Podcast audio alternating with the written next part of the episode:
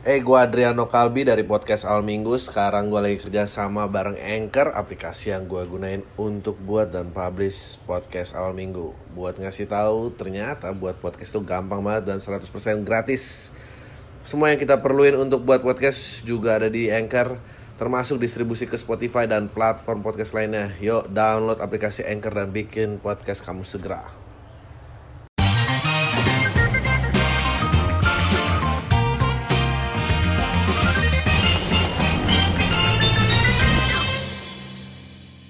Halo semua udah dengerin podcast Al Minggu bareng gue Adriano Kalbi. Sekarang uh, I think it's gonna be out di uh, minggu awal Desember. Uh, Semoga keadaannya baik-baik aja. Um, Ya gue harap tahun ini habis ya pandemi Karena kemarin beberapa hari yang lalu tuh sempat ada kayak No reported cases. Wah gila tuh udah lama banget tuh gak denger no reported cases. Jadi um, ya lumayan lah. Dan udah mulai kayak udah mulai kayak biasa sih udah mulai kayak normal. Macetnya kayak normal. Uh resik banget. Ah udah. Gue sebelum komplain lebih jauh lagi langsung aja kita masuk ke yang pertama. Gokil. Belum sempat cicipi manisnya malam pertama pria ini ditinggal istrinya yang keciduk di hotel bareng pasangan sesama jenisnya. Gokil. Ternyata dari awal cuma mau mengincar hal ini. Uh, nah Nasib naas ini dialami oleh seorang pria asal India. Dirinya pun shock setelah tahu identitas sang istri. Setelah, setelah polisi melakukan penyelidikan lebih dalam diketahui bahwa wanita itu sebenarnya sudah berencana kabur sebelum hari pernikahan. Namun dia harus menunggu prosedur pernikahan agar mendapat mahar emas yang diincar untuk dibawa kabur. Uh, ya menurut gua, menurut gua sih kalau ya nggak tahu ya menurut gua kalau maharnya udah ridiculous gitu nggak nggak ada sih. Gue bakal diserang feminis ya. Menurut gue nggak ada mahar yang so worth it perempuannya. Nggak ada gue menurut gue mau kayak apa? Ini kan pasti maharnya lumayan karena dia tungguin kan. Nggak mungkin dong mahar kalau hanya tanggal cantik aja mau dibawa kabur nggak mungkin. Pasti ini mahar mahar mahar gede nih. Uh, gue sih nggak tahu ya. Gue gue nggak mau ya kalau ditantang mahar gitu. Ya lu aja gitu sih gue ya nggak mau gue ya tapi diminta sama orang tua aku yang akhirnya ternyata uh, dia juga nggak menyukai lelaki dia menyukai sama perempuan which is even worse. Uh, gue tuh cuma ngebayangin momen sebelum ini terjadi mungkin si cewek itu sama pasangannya udah sabar sabar. Nggak apa-apa aku rela kamu kuatin hati kamu. Kenapa kok kamu malah nyuruh aku nikah sama dia? Enggak kamu bawa lari maharnya anjing. Ternyata kong kali kong. Kasihan banget. Kalau dikasih 100 minta 100 juta dia mau. 150 katanya dia juga mau. Ya bagus 150 aja ya ampun. Tapi ini biasanya nggak um, tahu ap apakah ada permasalahan kasta juga biasanya kalau dia mau ngerubah ini jadi dia maharnya boleh naik. Sian banget dibawa kabur. Langsung naik kereta api. Melanjutkan perjalanan ke menginap. Ya Allah selama istri mengira sakit jantung pria itu kambuh. Ya ampun langsung sakit jantung mendapatkan perawatan rumah sakit. Nggak ada nggak menurut gue gue nggak tahu sih meskipun banyak ya temen bukan temen gue sih ada beberapa temen gue yang kayak uh, memintai mahar gitu uh, praktek di tahun 2021 ini gue gue nggak kebayang sih harus pakai mahar gitu. Udah lalu cari yang uh, orang yang nikahnya mau mau kembali ke alam-alam gitu aja. Dan dan dan di saat-saat pandemi nih mumpung pandemi. Belum hilang nih. Masih bisa lah murah meriah gitu. Kasihan dibawa kabur. Dan mau ngomong apa? Karena gue yakin kalau kayak gini biasanya orang tua pria juga udah nggak setuju gitu. Sama calon yang dibawa. Ah mama udah bilang. Emang mencurigakan dia dari dulu anjing. Udah duit dibawa kabur dimarah orang tuanya pula kasian mendapat emas mesti, mestinya ya menurut gue ya yang fair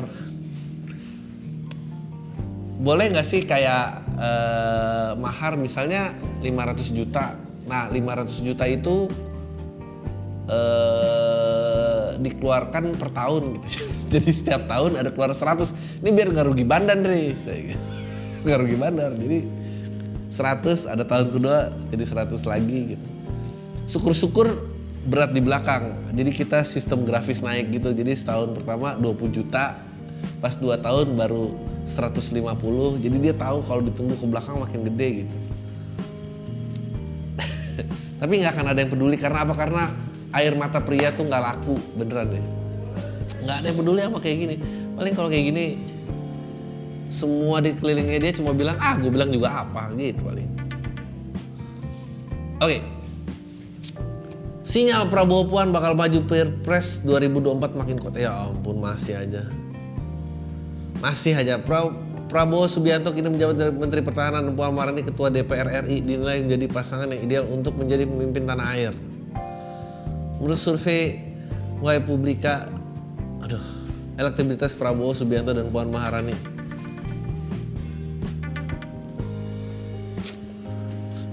unggul tipis dibanding Ganjar Pranowo, Erlangga Hartanto. Gua gua tuh percaya ya, gua tuh percaya Prabowo itu miss opportunity. Miss opportunity karena mestinya dia jadi presiden pada saat uh, SBY kedua, Mega Pro, Mega Pro itu mestinya pro Mega tuh Prabowo Megawati. Itu dia dapat dia dapat kalau besok 2024 sih umur berapa Prabowo? Puan tuh umur berapa sih? Dan Ganjar eh nggak tahu lo. Gue gue udah di titik di mana gue gue nggak tahu harus pilih siapa.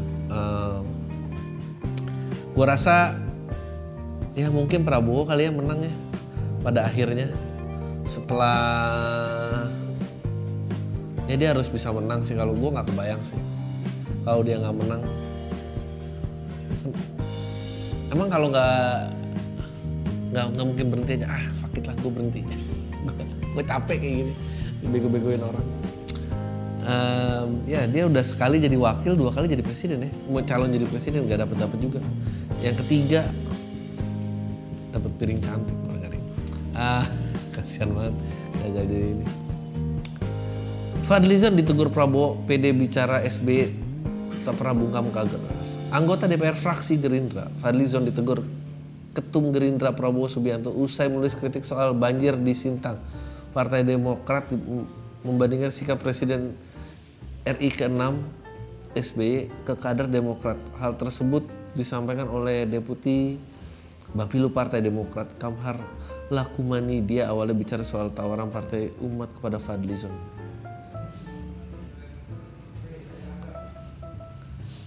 Salah, salah satu salah satu hal kenapa gue nggak pernah kepikirannya pengen ada di pemerintahan gue kalau kalau Fadlizon aja bisa. Ya masa?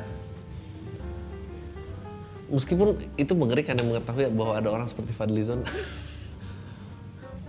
punya kuasa tertentu terhadap negara ini gitu. Apain Fadlizon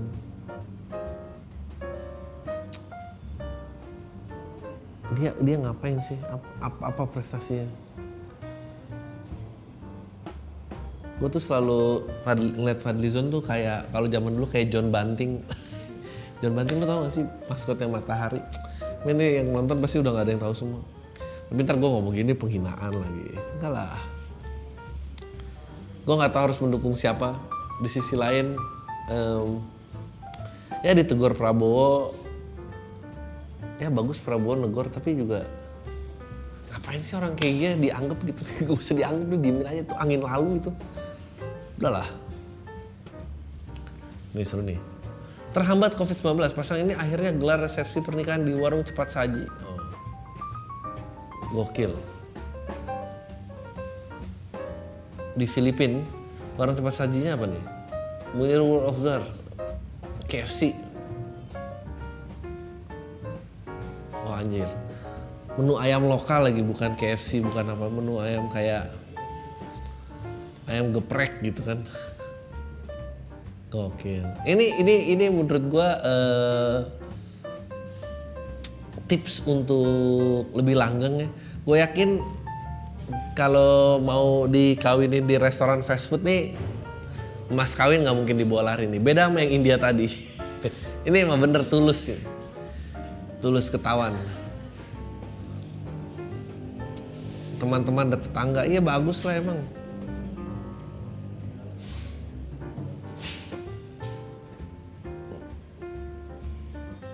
Ya bagus bagus bagus. Mungkin mungkin yang dibawa kabur maharnya bisa belajar dari pasangan Filipina ini ya. Um,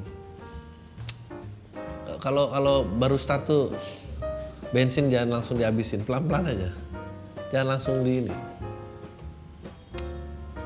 oke tidak perlu beli tiket ibu Asma duduk di bawah pohon nonton balapan di sirkuit Mandalika ada cerita ibu Asma, seorang ibu hamil yang tertangkap kamera sedang khusus menonton balapan di bawah pohon kelapa. Pohon kelapa tersebut tepat berada di depan rumahnya yang masih dekat dengan lintasan sirkuit. Aksesnya ke lintasan sangat dekat, cukup berjalan sekitar 20 meter. Ia sudah dapat menyaksikan para pembalap saling salib. Sebenarnya tidak mengerti karena penasaran hanya yang penting lihat motor lewat katanya goblok. Ibu ngerti balap? Enggak, saya cuma denger motornya nyawa. Saya mau tidurin anak nggak bisa motor pada berisik RT RT pada nggak peduli mau knalpot berisik anjing itu itu pasti harga rumah di sebelah sirkuit itu drop tuh saking berisik semuanya uh, salah satu 48 48 keluarga keluarga masih menetap di kawasan sirkuit Mandalika. Seorang mesin motor pembalap yang bisa menggerakkan ia untuk menyaksikan langsung. Ya iyalah ibu-ibu. Sebenarnya tidak mengerti tapi karena penasaran penting lihat motor lewat. Goblok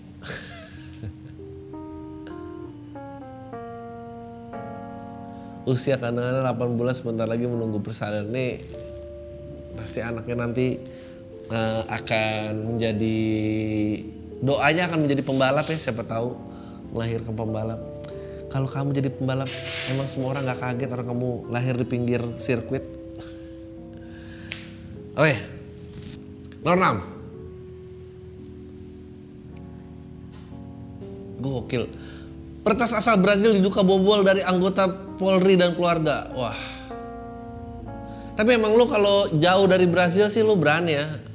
Polri, coba kalau Indonesia nggak berani pasti bobol Polri ketemu nih. Direktorat Tindak Pidana Cyber di tipe bisa beranjing susah banget ini singkatannya. T IPIDSIBR, Krim Polri tengah mengusut dan mendalami dugaan pembobolan data yang diduga da data anggota Polri oleh protes asal Brazil. Dalam kasus ini, protes asal Brazil yang menamai dirinya Sun One X dalam akun Twitter telah mengaku berhasil membobol data pribadi anggota Polri beserta orang-orang terdekat keluarganya. Yo, mestinya dia minta sesuatu sih mesti dia minta bisa bobol apa gitu you know yang seru adalah lu daftarin pinjol aja semuanya jadi biar ada ini. Jadi mempercepat Polri dalam penumpasan pinjol-pinjol yang menagihnya kelewat batas gitu. Siapa tahu gitu. Dan lu bisa dapetin duitnya. Uh, Polri Indonesia National Police hack. Ya ampun kasihan banget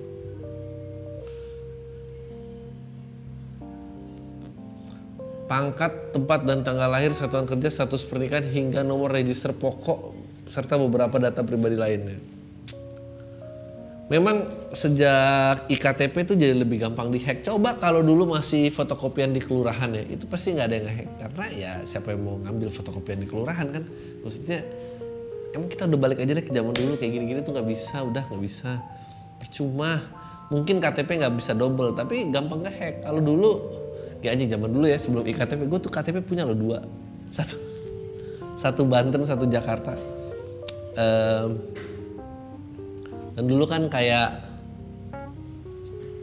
biar lo nggak perlu lapor RT gitu kalau lagi nginep di mana kan kamu lebih dari 24 jam harap lapor RT nah itu biar nggak lapor RT lo bikin KTP setempat. Gampang dulu mah ini ini perbedaan generasi nih. Gue punya KTP itu tahun 99 gue lahir 84 84 itu oh 2001 SMA kelas 2 SMA kelas 2 tuh itu belum ini tuh belum masih ada cap tiga jarinya. Nggak ada tuh iktp iktp sekarang mah ya udah begitu begitu aja gitu semua. Oke okay. Next viral di tiktok istri polisi pegang segepok uang. Ke Polda Sumut kebiasaan pamer.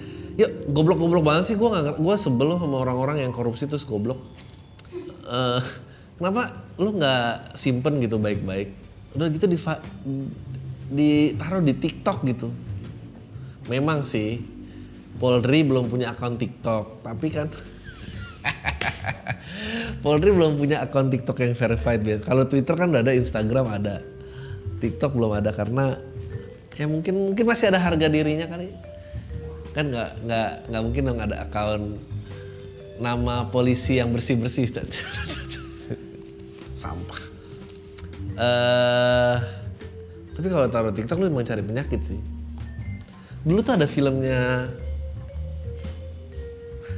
Eddie Murphy apa siapa gitu mafia lah pokoknya dia tuh tertib banget nggak pernah mau foya-foya pokoknya orang hitam gue lupa mafia dia dia selalu ngirit. Dia teleponnya pakai telepon umum nggak pernah pakai telepon pribadi. Dan dia detik kesekian harus tutup teleponnya. Ke mana-mana nggak pernah spending duit gede. Nggak pernah ke trace. Ke trace nya tau nggak apa? Ke trace nya gara-gara ini lagi-lagi perempuan ya yang bawa kabur mahar tadi. Uh, ketrace-nya adalah pada saat ceweknya ngambek dia ngerasa nggak pernah dikasih barang mahal, akhirnya dia kasih lah code. Code-nya dipakai nonton tinjunya Ali. Kayak tinjunya Ali deh. Begitu nonton tinjunya Ali, semua petinju lewat tuh kayak salim gitu. Itu dipotret masuk koran, baru koran di trace orang. Langsung ketangkep anjir. Kayaknya Russell Crowe sama siapa gitu. Kayaknya polisi ada Russell Crowe deh. Orang hitam, Eddie Murphy bukan bukan Eddie Murphy. Gue lupa, ntar cari sendiri. Kebiasaan pamer uang buat apa? Coba bener di TikTok. Uh, uh, video perempuan tersebut diketahui adalah istri dari Kapolres Tebing Tinggi Sumatera Utara. Ya ampun. Marahin masih bilang, kamu nih kasih duit dipamerin di TikTok. Ya habis apa? Bapak sibuk aja kerja cari duit, saya bosan. Skrip-skrip perempuan di sinetron gitu. Oke, okay. Next. Cerita miris pemuda kembangan coba bunuh diri karena terlilit utang pinjol 90 juta gokil. Nasib tak menge, tak menyenangkan menimpa seorang karyawan toko berinisial HK pemuda 25 tahun itu melakukan percobaan bunuh diri dengan cara melompat lantai 4 sebuah ruko di Kembangan Jakarta Barat. Nggak mati dong. Lagi lantai 4 sih gimana kenapa nggak kurang oh di aksi nekat itu berhasil digagalkan ia jadi meninggal hanya karena mencoba bunuh diri. Hanya diduga depresi berat hingga berpikir untuk mengakhiri hidupnya karena terlilit unjang pinjol pinjol nilainya 90 juta.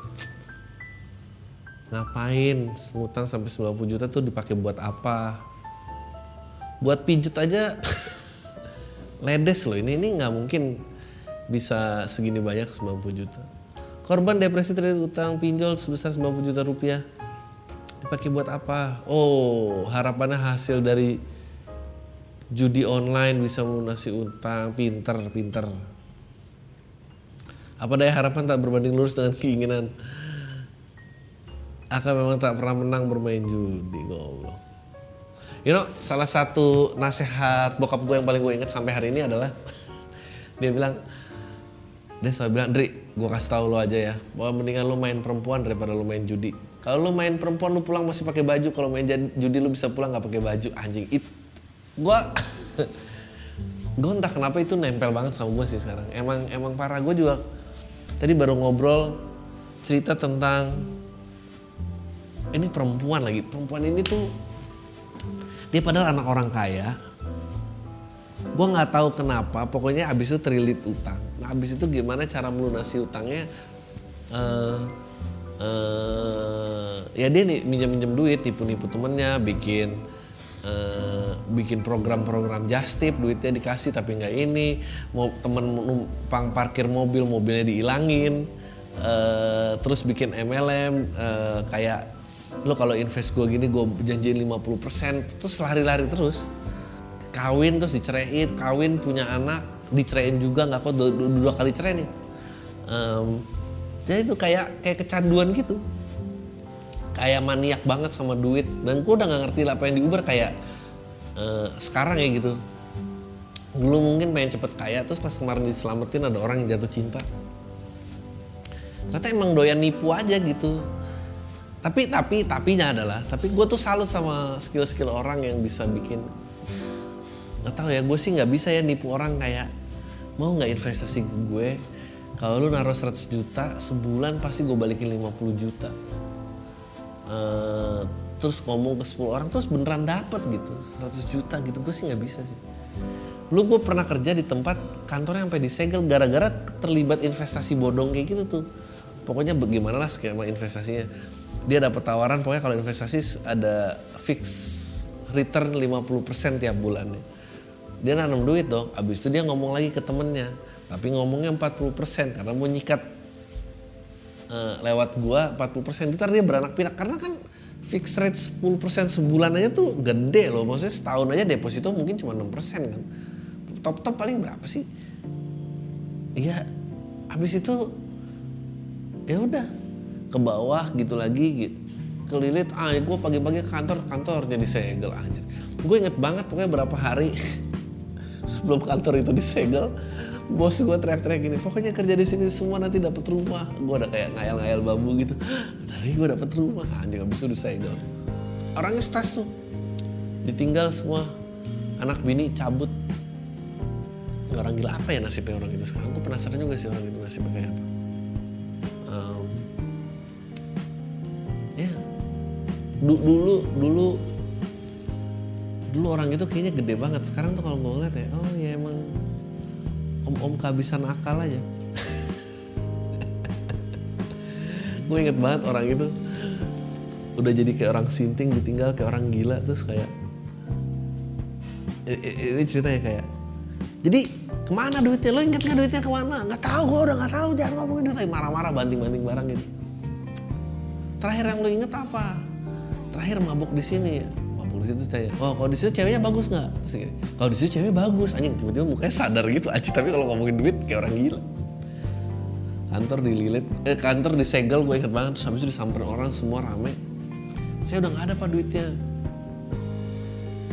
Saya nggak sanggup bayar dia bilang gitu. Oke.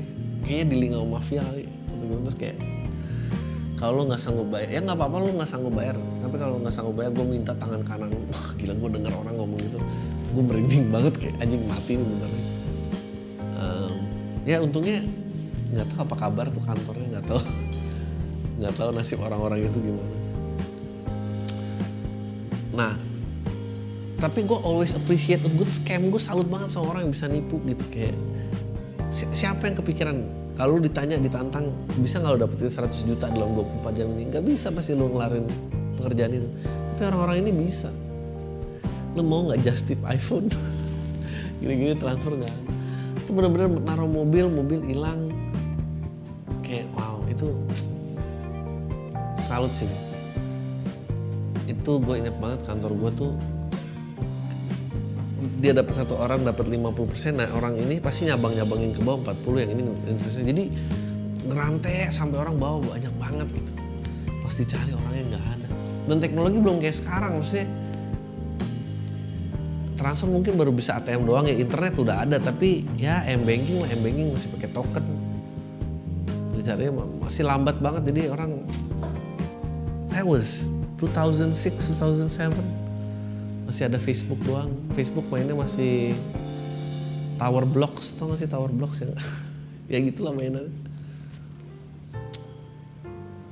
Jangan dong judi online. Bener-bener oke Jokowi Ma'ruf digugat LBH dan warga karena marak pinjam ilegal. Pinjol ilegal. Istana silahkan saja. Hah? gimana caranya gugat? Menggugat presiden dan wakil presiden gara-gara marak pinjol. lembaga bantuan LBH sebetulnya penyelenggaraan pinjaman online di tanah air. Pihak yang tergugat di antaranya Jokowi. Dongok banget menggugat presiden sama wapres ya nggak akan bisa lah. Apa urusannya coba? I don't think gue lagi mikir kalau lo agree punya agreement personal sama orang lain gue tahu produk hukum kayaknya kalau tidak boleh punya persetujuan Eh, hey, gue Adriano Kalbi dari podcast Al Minggu. Sekarang gue lagi kerja sama bareng Anchor, aplikasi yang gue gunain untuk buat dan publish podcast Al Minggu. Buat ngasih tahu, ternyata buat podcast itu gampang banget dan 100% gratis. Semua yang kita perluin untuk buat podcast juga ada di Anchor, termasuk distribusi ke Spotify dan platform podcast lainnya. Yuk, download aplikasi Anchor dan bikin podcast kamu segera. Yang menyalahi undang-undang berlaku, that's that's clear. Tapi kalau lo punya persetujuan pinjam meminjam dengan orang lain, gue tahu itu mesti diawasin OJK dan pinjol tidak memenuhi peraturan OJK. Uh, jadi ya mau nggak mau dia pasti minjem sih. Nih, kalau dia minjem dia agree, ya dia harus tahu resikonya gimana cara. Nggak mungkin ya. Anyway, ya gitulah. Oke, okay. last news for today. Pilu, padahal baru duduk di pelaminan pengantin pria ini harus bela, harus rela lihat ayahnya di buku polisi di acara resepsi pernikahan gara-gara hal ini. Anjing bikin judul gara-gara hal ini kan. Acara pernikahan semestinya menjadi oke, okay, gue tahu pempelai mana. Pengantin pria asal desa Wonorejo kecamatan ini, dirinya haruslah ayah ditangkap oleh polisi acara resepsinya karena kediaman mempelai perempuan di Klaten tan bukan tanpa sebab. Diduga ayah telah menjadi Oh anjing, otak kasus dukun palsu gokil, penggada uang di Wonogiri sih.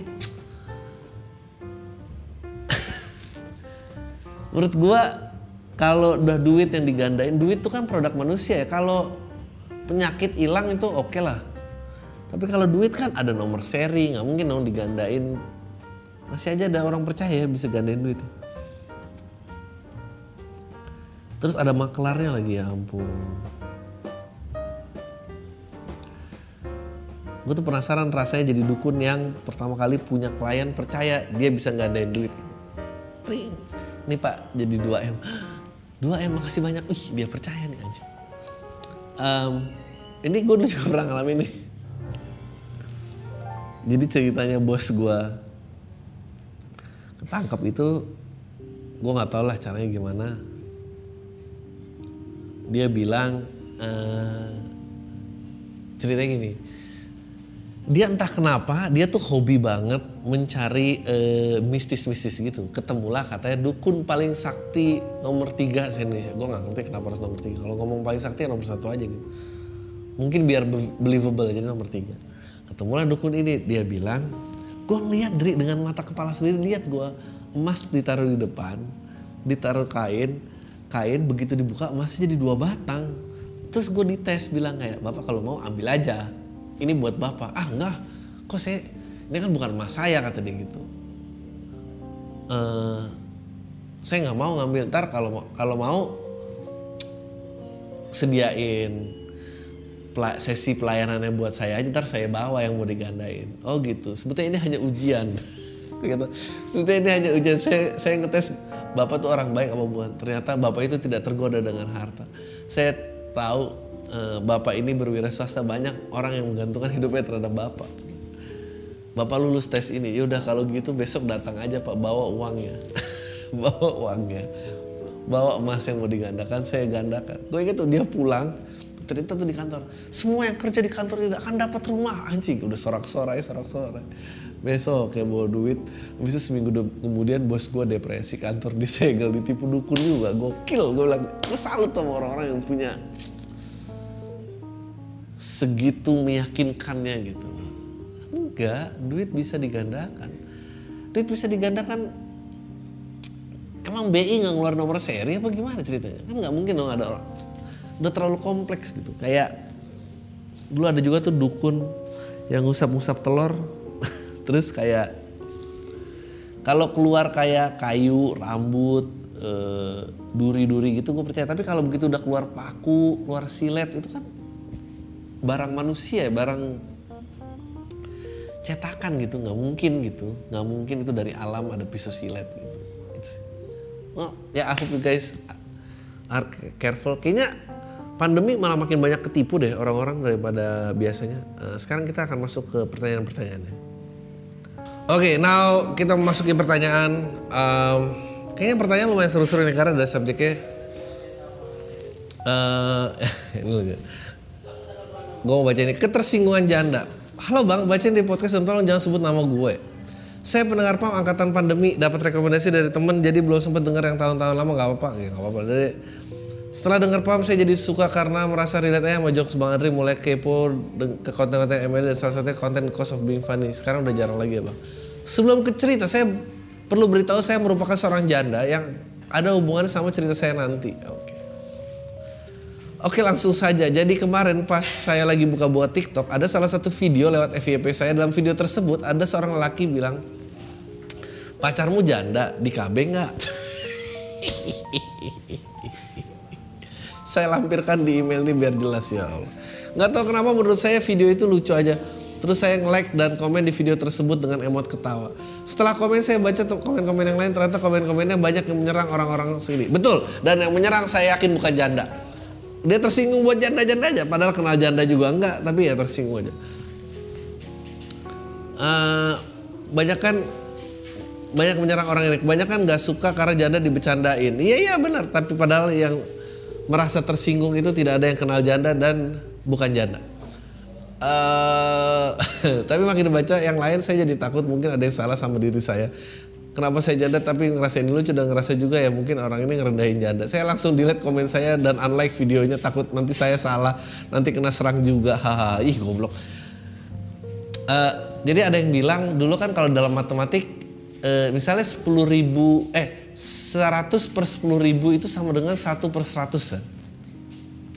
Sebetulnya eh, dalam aplikasinya itu eh, agak berbeda menurut gua 10 100 per 10 ribu itu lebih besar daripada 1 per 100 karena kalau misalnya ada 100 orang dan cuma ada satu orang yang nengok ke kiri semua ne- 99 nengok ke kanan yang kanan yang 99 yang dekat satu orang itu dia tetap nengok ke kanan dia nggak berpengaruh.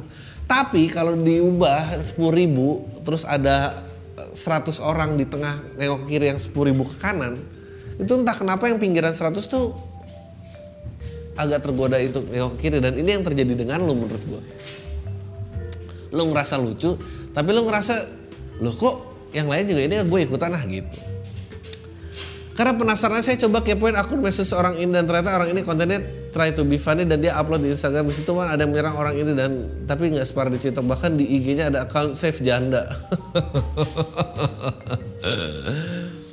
yang saya makin bingung mungkin ada yang salah mas. Saya spontan saya langsung ingat konten Bang Adri dengan Bang Coki di Cost Funny masalah jokes dan ketersinggungan pertanyaannya menurut Bang Adri apakah video ini merendahkan janda? Apakah perlu janda-janda tersinggung? Gue lihat gue lihat videonya kok. Eh, janda-janda tersinggung. Dan yang paling penting apakah saya salah salah sebagai janda menganggap itu lucu Satu lagi lucu hasil dari kepo saya message kayak orang ini pendengar pam deh. Ya kalau orang itu dengar tiba-tiba ya sampein mental aman bang. Kok saya terakhir belum upload lagi. Mental aman dia mengupload. Maaf ya bang kepanjangan dan berantakan. Maklum ini email pertama saya. Sukses terus buat pam dan saya terus buat bang Adri yang sudah divaksin dan belum pernah minta maaf. Bagus. Eh, menurut gua lu sebetulnya lebih berhak menjawab pertanyaan ini daripada gua karena karena gua bukan janda. gue jadi tidak bisa eh, menjawab ini. Em, gue tahu, jadi gue akan menggerakkan eh, lampu mati. Gue akan menyontohkan gerakan videonya. Gitu. Jadi orangnya cuma pacarmu janda gitu, di KB nggak gitu. Gue nggak tahu di mana ofensifnya. Sebetul kalau buat gue ya, eh, mengkin gue nggak tahu yang membuat orang-orang itu tersinggung karena gue yakin yang tersinggung bukan janda. Karena lu sendiri janda pun gila gue baru sekali mengutarakan kata janda dalam dua menit sebanyak ini. Ke sana gue maniak banget kenal banyak janda. Eh, bukannya karena gue gak boleh kenal janda tapi ya gitu. Em, kak gini menurut gue sih nggak menyinggung. Tergantung janda-janda ngerasa gimana. Karena yang gue yakin itu orang-orang yang tersinggung ya bukan janda dia sok moralis saja membela ini gitu. Karena mungkin kalau gue berusaha jelaskan joknya sebetulnya joknya semua mengerti kan? Karena mungkin ya namanya sudah janda kan padahal mah nggak cuma janda gitu yang seks bebas gitu kan? Maksudnya semua juga gitu kan 95% bedanya satu pernah ngerasain yang namanya halal itu bagaimana yang lainnya mah ngumpet-ngumpet dari orang tua semua ya kan? Oleh sebab itu sebetulnya sebetulnya dari jok ini kecuali ya ketersinggungannya bilang gini kenapa cuma janda yang ditanyain KB mestinya yang gak janda pun juga harus ditanya KB apa enggak itu baru bener sebetulnya jok itu jok SJW yang baik sebetulnya. Karena mestinya alat kontrasepsi itu tersedia buat semua orang. Tapi gue kalau ngomong kayak gini nanti ntar gue diserang sama kaum konservatif nih Eh, kalau konservatif tersinggung karena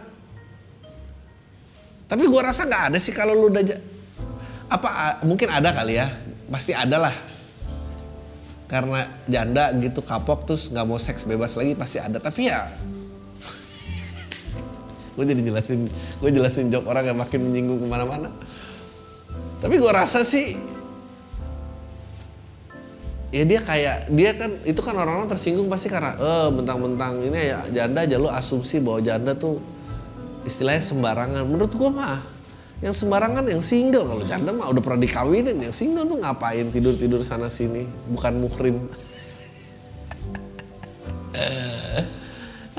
Menurut gua lu jangan takut sih tersinggung. Eh lu jangan menurut gua lu bener komen lu jangan lu delete. Karena mestinya kalau perlu lu tulis di komen tuh gua janda gua baik-baik aja kenapa kalian tersinggung. Hai mestinya harus ada yang nulis hai kalian semua yang tersinggung. Apakah kalian itu janda? Kalau enggak dan lu nggak lu nggak boleh mesti tersinggung buat orang lain tuh menurut gua aneh sih. Aneh sih tersinggung buat orang lain karena ya apa lu ngapain gitu? Ya gitu jadi ya gitulah.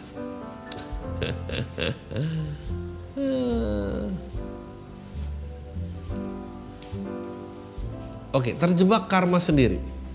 Jangan sebutin nama gue sebelum gue cerita gue mau ngedumel dulu para pendengar pam. Gue suka heran sama mereka yang suka nge, nge self claim kayak pendengar lama pam. Lu apa atau apa gue nggak paham melakukan self claim itu biar apa esensi biar kelihatan keren atau ngerasa lebih superior dibanding pendengar lain I don't know. Dan satu lagi gue nggak paham orang-orang yang email ke pam itu nulisnya emang nggak pakai tanda baca apa gimana? Soalnya gue sering dengar kalau bang Ari lagi bacain email kadang suka bingung sendiri sama cara baca bener gak sih atau perasaan gue aja hehe.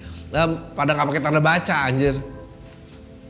Gue mau curhat dikit bang, gue pernah ngerasain karma atas diri gue sendiri. Singkat cerita dulu gue sama mantan gue posesif banget dan bener-bener overprotective gitu dan serba kekanak-kanakan yang gampang ambek gitu. Gue pacaran selama enam tahun, ya Allah. Bukan sesuatu yang harus dibanggakan juga sih. Sampai akhirnya gue putus dan married sama istri gue sekarang anjing. Lu berarti udah mau lama ninggalin dia. ya? Tapi nggak bisa-bisa. Setelah gue menikah sekarang tak kenapa istri gue sikapnya beda aja. Yang tadinya menurut gue biasanya, eh sekarang malah positif gitu dan serba kekanak-kanakan gue ngerasa anjrit kok sekarang posisinya kayak dibalik gi- gini karena karma. Poin yang pengen gue tanyain adalah ada nggak sih cara mengubah seseorang tanpa harus bikin kehilangan? Jujur gue pribadi punya sikap positif dan kanak-kanakan. Gue menghilang setelah gue putus sama mantan gue ibaratnya kayak grow up gitu jadi pribadi yang lebih baik setelah kehilangan sesuatu yang benar-benar berharga dalam hidup gue kan gak lucu masa gue harus ninggalin istri gue supaya dia lebih dewasa? Dan yang pengen gue tanyain bener gak sih seorang jadi level up setelah kehilangan orang menurut saya gak Ini ya kalau pernah coba ceritain. Ini email gue kepanjangan gak sih? Kalau kepanjangan nanti dibacain mungkin gue bakal email lagi. Dan lebih ringkas emailnya. Thanks. Um, menurut gue sih ada nggak cara mengubah orang? Hmm. kayaknya sih nggak ada ya kayaknya berat mengubah orang tuh merubah peringai itu susah banget. Eh, merubah tindakan mungkin tapi merubah hatinya dia dia mungkin misalnya gini misalnya dia posesif misalnya dia cemburuan tindakannya nelponin lu mulu. Bisa nelponin mulunya tuh diredam tapi rasa cemburunya tuh nggak mungkin hilang itu sih menurut gue yang susah diubah tuh hatinya. Enggak tiba-tiba mau ceramah kayak ustadz gitu. hatinya sentuh hatinya saudara-saudara. Um, iya. Uh, gue nggak ngerti kenapa gue sih tahu kayaknya kalau bacaan gue sih enam tahun lu pasti udah selingkuh selingkuh nih ujung-ujungnya. Baru ketemu orang ini nggak tahu gue bener apa salah. Uh, dan dia kayaknya akhirnya jadi posesif akan itu tapi gue setuju sama lo bahwa orang yang tidak belajar sebetulnya dari pengalaman ya sih bukan cuma dari kehilangan pasangan.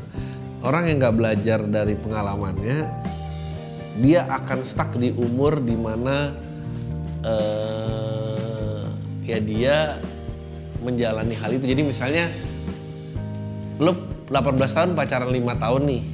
Begitu putus umur lu 23 nah kalau lu nggak belajar sesuatu lah lu tetap stuck di umur 18 itu tuh kalau belajar sesuatu lo jadi 23 gitu. Um, baru tuh oke. Okay. nah it, itu yang kadang-kadang orang tuh susah. Memetik sesuatu nggak sih lo gitu? Kayak gitulah. Oke okay, susah diajak ML sip. Ayo aku udah pengen. Aku lo mau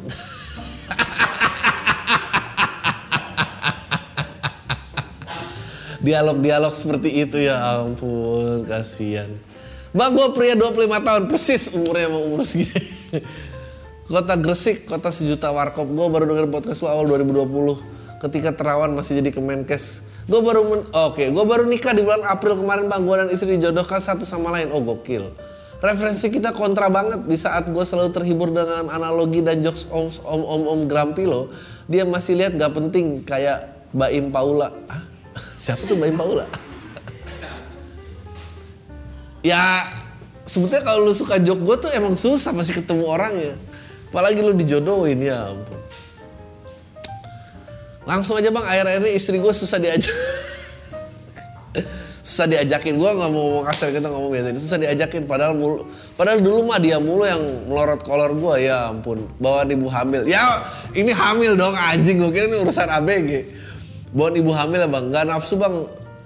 Uh, gue nggak berani open bo ya jangan dong. Karena karena bapak dia lebih kaya bang. Dan juga bapak istri gue ini bos di tempat gua kerja. Uh, alhasil acik ancur banget email kalau alasannya hamil mah gue masih maklum bang. Tapi takut istri gue selingkuh. Soalnya istri gue deket sama temen cowoknya di tempat kerja. Oh shit. Kalau tampang mah gue kalah bang. Tapi kalau soal hebat di ranjang gue nggak raguin lagi.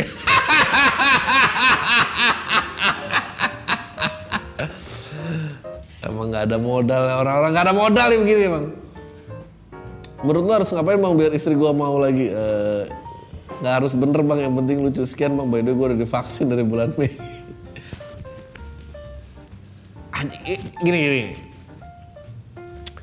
uh, kalau nggak pengen karena hamil ya itu wajar itu banyak. Uh, kan kan 14 minggu pertama kan janganlah.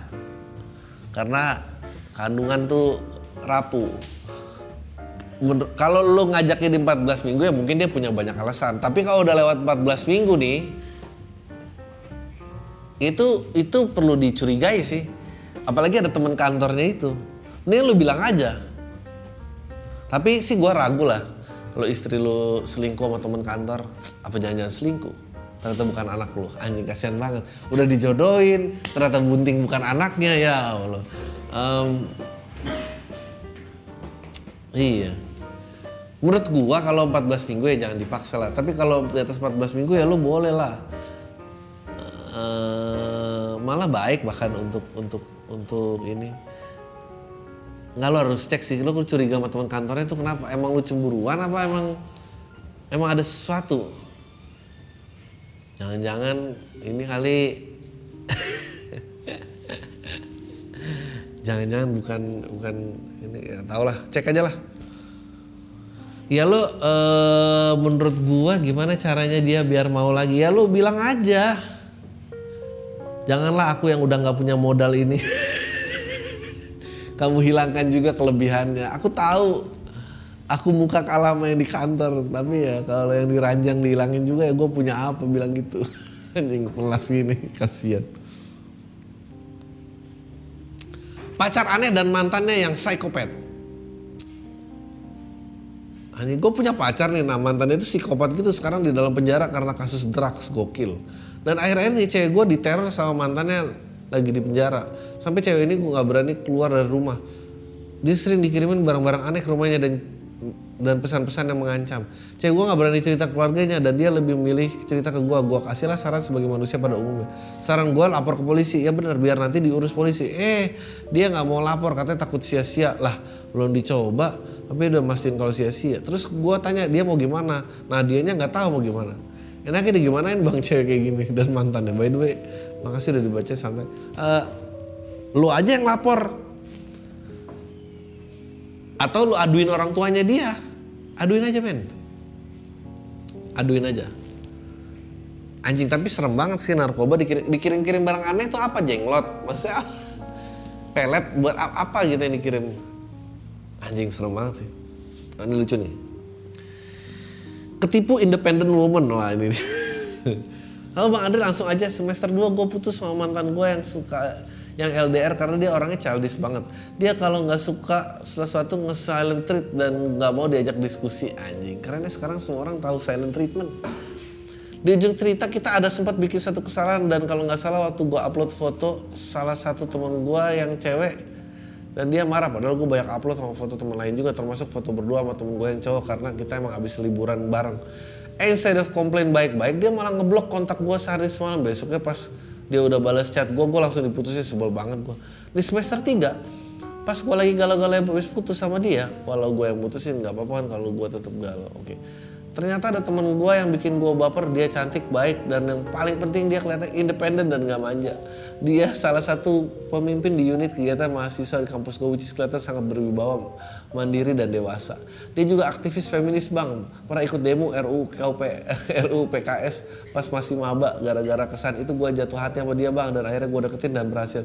Gue seneng banget bang waktu itu karena selain sifatnya bikin gue excited dia adalah cewek tercantik yang pernah gue pacarin. Okay.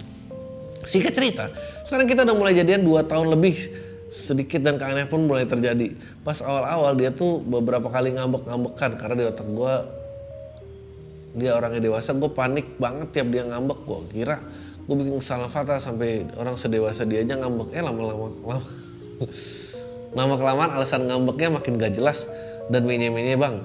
Dia pernah ngambek cuma karena gue ketiduran duluan pas video call malam-malam terakhir ngambek gede bahkan karena dia nggak suka gue boncengin. Hah? Karena dia nggak suka gue boncengin temen KKN gue ke desa KKN. Padahal gue niatnya nolongin karena humanity. Eh dia masih mikirin ego sendiri. Nggak nyadar apa kalau dia dulu demo buat hak perempuan se Indonesia. Lucu banget tai lah. Gue jadi merasa ketipu gini sama kesan independen momen yang dia bangun. Apa itu sebenarnya independen cuma mitos? Apa ini karena gue nggak sabar sama mantan gue jadi nggak ada cewek yang bisa diajak objektif logis biar kita bisa bareng-bareng ngembangin diri udah bang gitu aja bang. Gue stres banget kalau dia ngambek tai lu semua. Uh, gue rasa ya lu lu lu soalnya uh, beli topeng yang nggak beli orangnya jadi predikatnya itu penampilannya itu lu beli penampilan padahal orangnya bukan itu. Mungkin dari dulu emang orangnya kolokan gitu. Kebetulan bapaknya dulu yang nurunin 98 Soeharto. Jadi lu nggak tahu sebetulnya dia di rumah tuh dipaksa nggak boleh manja ya gitulah. Anjing lucu banget deh. Gebetan beda agama yang protektif. Oke ini terakhir aja nih. Satu lagi masih ada. Capek kok Assalamualaikum bang, selamat malam, salam sejahtera untuk kita semua. Gue mahasiswa semester 5 salah satu kampus di Lampung. Gue mau cerita nih bang, waktu semester 3 gue ikut kepanitiaan kampus bang. Di situ gue kenal lah sama cewek berawal dari nyari nasi padang jam 12 sampai jadi rutin chatting tiap hari. Gue sama dia nih udah sering main bang, bahkan dia awalnya kurang suka begadang jadi sering pulang tengah malam. Walau kadang mainnya nggak cuma berdua. Tapi waktu belum ada PPKM ini, gue sama dia tuh sering main berdua doang nggak jelas sampai pagi kadang. Entah apa yang terjadi lama-lama gue jadi suka nih bang ngefet cewek. Padahal kalau gue tunjukin fotonya ke kawan ke kawan gue beberapa komentar kayak cowok anjing. Aneh ini emang rada tomboy gitu sih bang. Kelakuannya juga nggak bisa diem gitu. Kebalik banget sama gua. Gua belum waktu gua belum suka sama dia gua pernah teleponan gitu dan kita sama-sama nggak mau pacaran bang dengan alasan masing-masing. Pas semester 4 gua udah deket banget ya sama ini cewek. Dia udah cerita semuanya lah ke gua gara-gara beda agama dan sama-sama nggak mau pacaran. Gua jadi bingung gimana lanjutannya dicium mau nggak tapi? Kalau dicium mau ya udah nggak apa-apa sih. Eh, sedangkan gue udah suka banget sama nih cewek. Mana nih cewek sering banget lagi cerita tentang cowok yang deketin dia. Panas lah gue bilang.